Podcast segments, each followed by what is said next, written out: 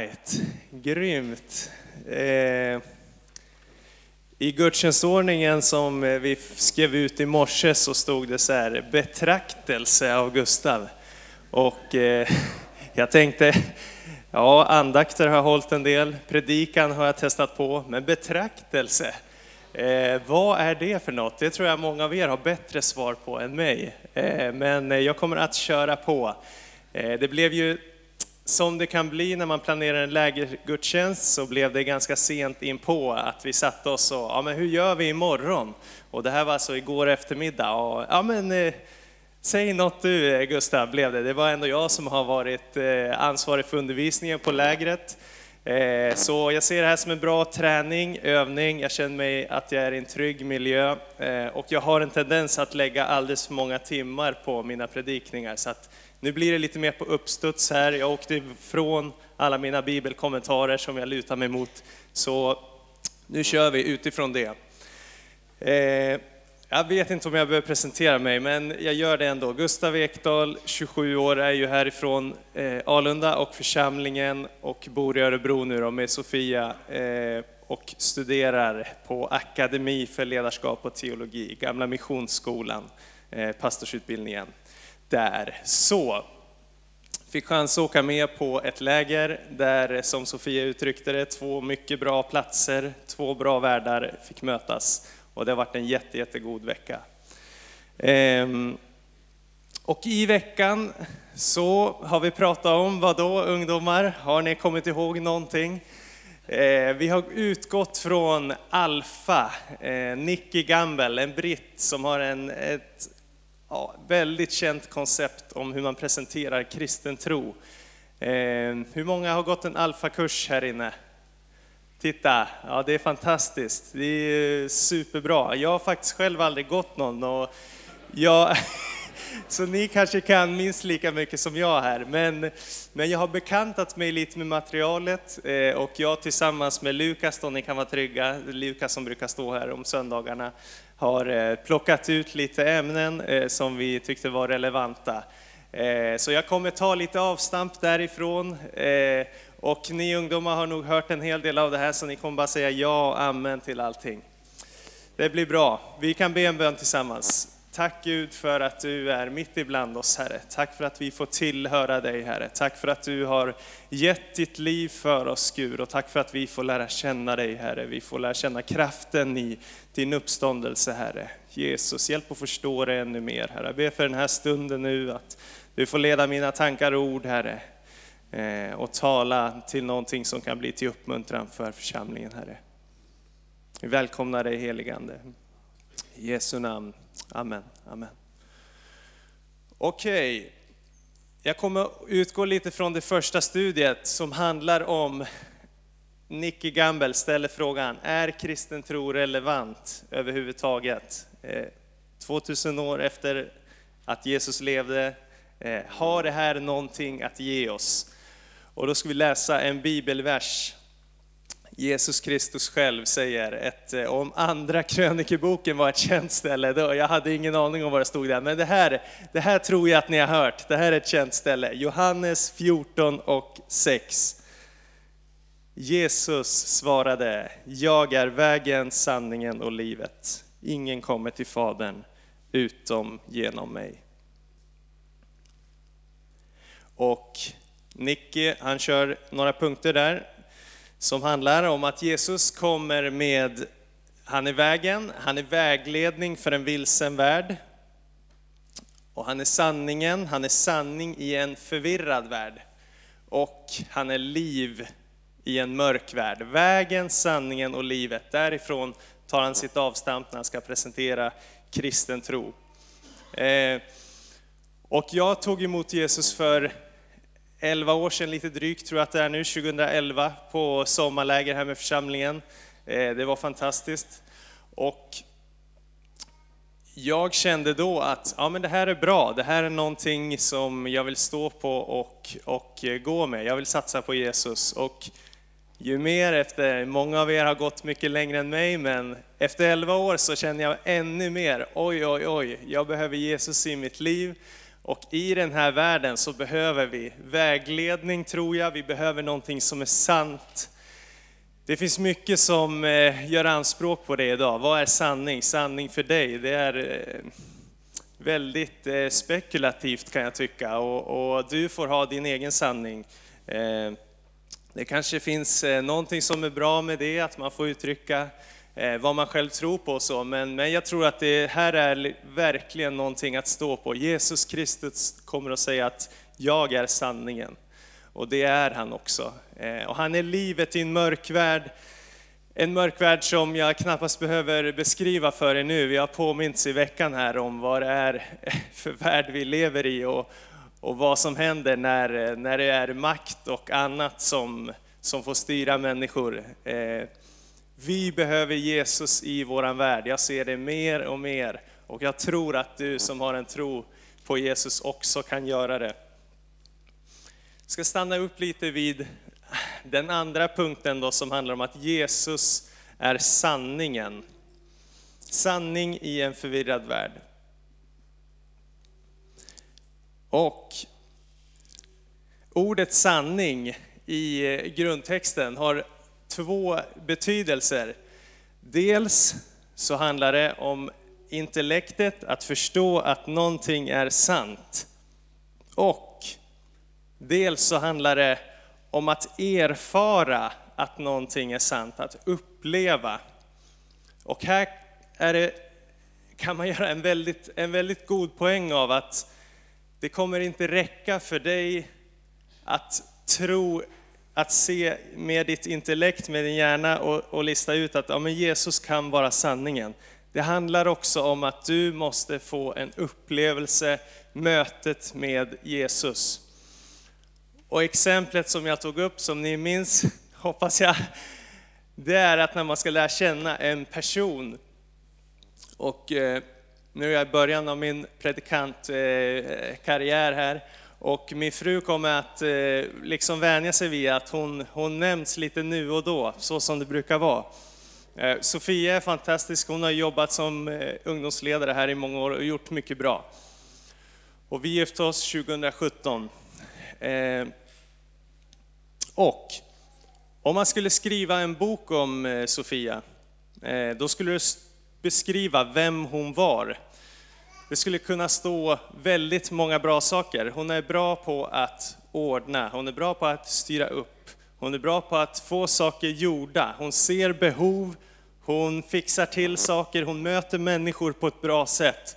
Hon är bra på att sticka, hon är bra på att baka, Fingrarna räcker inte till här. Hon är bra på väldigt mycket saker.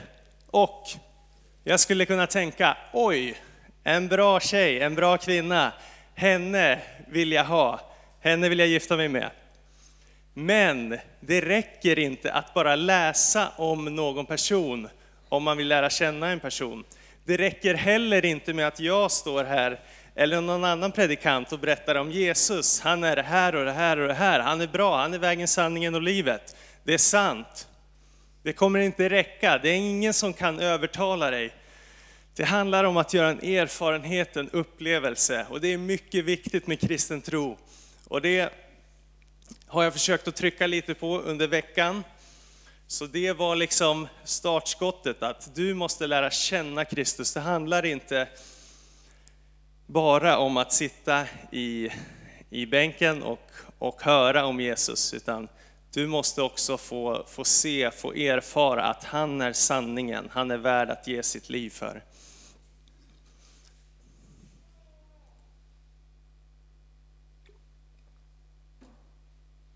Det finns ju många klassiska olika eh, säger man, uttryck och så. Kristen tro är ingen religion utan en relation. Och det, det som du förstår här, det måste också glida ner till hjärtat. Ni kanske har hört dem, men det ligger så mycket i det. Och, och jag kanske kan få tala till någon här idag där, där det har fått blivit för mycket religion, där du, där du studerar, eh, Eh, du läser ordet, men, men det blir inget mer än så. Eh, du hör om Jesus, men det blir inget mer än så. Han blir inte personlig för dig. Och det tror jag att han måste få vara i våra liv. Ehm, det finns ju en, en grupp i Bibeln eh, som är bra på, på intellektet, som är skärpta. De kallas för fariseerna. På min utbildning nu så, så har jag fått lära mig att, att Bibeln ger en, ganska, en lite väl negativ bild kanske av fariseerna. De var ju duktiga på Moselag och, och de uppfödde sig väl och lärde ut folket hur man skulle leva. Men Jesus Kristus går hårt åt dem gång på gång i Bibeln. Eh, vi kan läsa om eh, i Johannes 5, 39 och 40. Eh, då säger Jesus så här till fariseerna, ni forskar i skrifterna därför att ni tror att de kan ge er evigt liv. Just dessa vittnar om mig. Men ni vill inte komma till mig för att få liv. Alltså de hade lagt ner hela sina liv för att studera ordet och försöka lära sig lagen och uppföra sig rätt. Men de förstod inte innebörden att få komma till Jesus som är vägen, som är sanningen, som är livet. Där stannade det med kunskapen. De gav inte sina hjärtan, de gjorde ingen erfarenhet fast de hade Jesus Kristus mitt framför sig. Och när man gör en, eh, en kristen utbildning som jag gör, då får man bra uppgifter ibland eh, som handlar om Gud och evangeliet och sådär. Och eh, jag fick en uppgift för ett par veckor sedan där jag skulle intervjua en icke-troende person. Och jag skulle fråga lite, vad tänker du om andlighet och vad tänker du om kyrkan och Gud och, och sådana grejer. Eh, och det visade sig att den här tjejen som är i ungefär min ålder eh, har vuxit upp i en frikyrklig miljö. I Örebro är kryllar av frikyrkor, eh, så det är inget, inget oväntat på ett sätt. Men, men det var väldigt intressant att hon hade bakgrund i en liten frikyrka ute på en mindre ort, kanske lik den här. Eh, hon hade varit med i ungdomsgänget och, och hon gillade mycket av, av det som var där. Hon gillade gemenskapen och eh, hon, hon kom dit troget och det var en trygg plats för henne. Men nu några år efter så, så hade hon helt lämnat tron. Eh, och tyvärr har vi nog fått sett det även i den här församlingen, att unga människor har kommit med och, och sen så glider man iväg på andra vägar. Och jag tror att det just handlar om att personen inte har fått någon relation till Jesus. Det är inget bestående. Hon beskrev för mig, den här tjejen, att för henne blev det bara lagar och regler och när hon kom upp i äldre tonåren och skulle börja leva sitt liv, ta, ta egna beslut, så upplevde hon bara hur, hur tron begränsade, eller in, ja, hur lagarna i våran tro begränsade. Hon upplevde ett ledarskap som lite pekade finger på henne.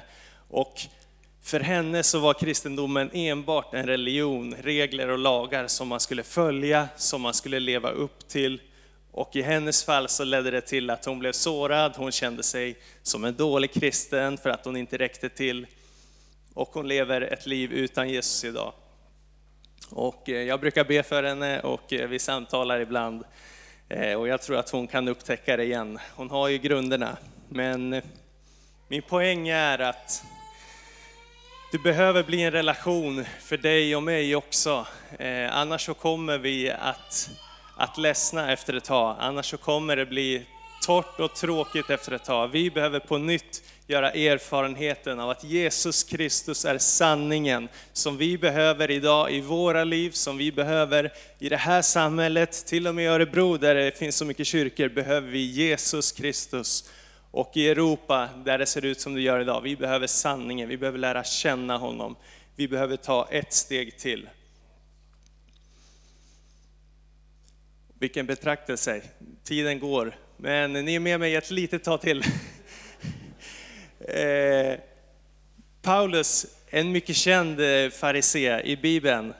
Ni som eh, har koll på läget vet ju vilket inflytande han har fått för, framförallt för Eh, ja, men kyrkans spridning eh, tidigt. Han har skrivit många av breven i, i Bibeln.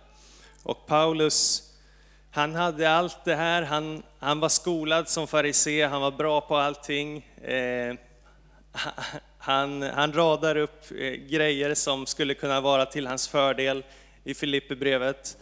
Och sen så kommer han ändå till att Kristus är det som betyder någonting. Och, och om vi ser på Paulus liv så, så var det verkligen en erfarenhet som han fick göra när han fick möta ljuset. Han fick vakna upp, han fick wow, han fick göra en upplevelse av att ah, det är Jesus det handlar om. Det är han det handlar om. Han trodde att han hade läst och kommit fram till den rätta insikten. Men det räckte inte, det räckte inte, för han hade inte lärt känna Jesus. Och den erfarenheten som han hade där på vägen, eh, med ljusskenet, kanske ni kan berättelsen, den förändrade hans liv helt. Och Paulus blir ett gott exempel för oss. Och ska avsluta med, eh, med en vers från, från Filippbrevets tredje kapitel. Och, och där har han just räknat upp eh, alla de här privilegierna som han hade. Han var född i en förnäm släkt och han hade den bästa utbildningen. Och, och sen så kommer vi ner till vers 10, så skriver han så här, jag vill lära känna Kristus, med kraften från hans uppståndelse, dela hans lidande genom att bli lik honom i en död som hans. Jag vill lära känna Kristus. Och det här är alltså Paulus som Tyvärr har jag åkt ifrån alla mina kommentarsböcker nu då, men det här är många år efter Paulus omvändelse. Han har gått med Jesus, han har planterat församlingar, han har rest runt, han har fått stryk, han sitter i fängelset när han skriver det här. Han har gått längre än vad många av oss har gjort. Och ändå, ändå så skriver han så här, jag vill lära känna Kristus. Och om Paulus skriver så här, då tänker jag i mitt eget liv. Oj, vad jag behöver lära känna Kristus. Ibland slår vi oss till ro och tror att vi har koll på läget och, och det kan vara skönt också, men den här längtan tror jag vi behöver ha i våra liv, att vi vill lära känna honom mer, att vi vill ta ett steg till. Eh, Gud finns där och han har mycket, mycket mer för dig. Och om vi bara vågar eh, gå, om vi har en längtan efter att lära känna honom, ha en relation med honom. Om den kristna tron i ditt liv får bli mer av en relation och inte så mycket bara religion. Och under senare delen av veckan så, så pratade vi mycket om relationen, om bön och bibel och, och det är ju mycket bra verktyg. Jag skulle säga det är förutsättningar för att att ha en god relation till levande Gud, till Jesus Kristus. Eh, han som är vägen, sanningen och livet. Vi ska strax bjuda in till förbön och eh, sjunga, fortsätta sjunga lovsång tillsammans. Och eh, jag skulle bara vilja trycka på det lite i en, eh, en form av inbjudan här att, att du som känner att, att det har blivit för mycket eh, religion, det har blivit för mycket läsa om, det har blivit för mycket bara höra om och det har inte blivit något personligt.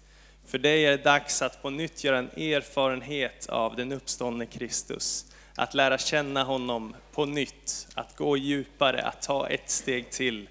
Eh, så att din tro kan få bli eh, någonting levande och inte bara Eh, en lära jag tror att det är så viktigt och jag hamnar själv många gånger där. Jag sitter ju dagarna långa och eh, läser olika utläggningar om skrifter och grejer. Och det, det är bra också, jag tror vi behöver det, men, men vi behöver göra erfarenheten igen. På lägret så är det många ungdomar som har vittnat om att de har gjort erfarenheten av Jesus Kristus som sanningen.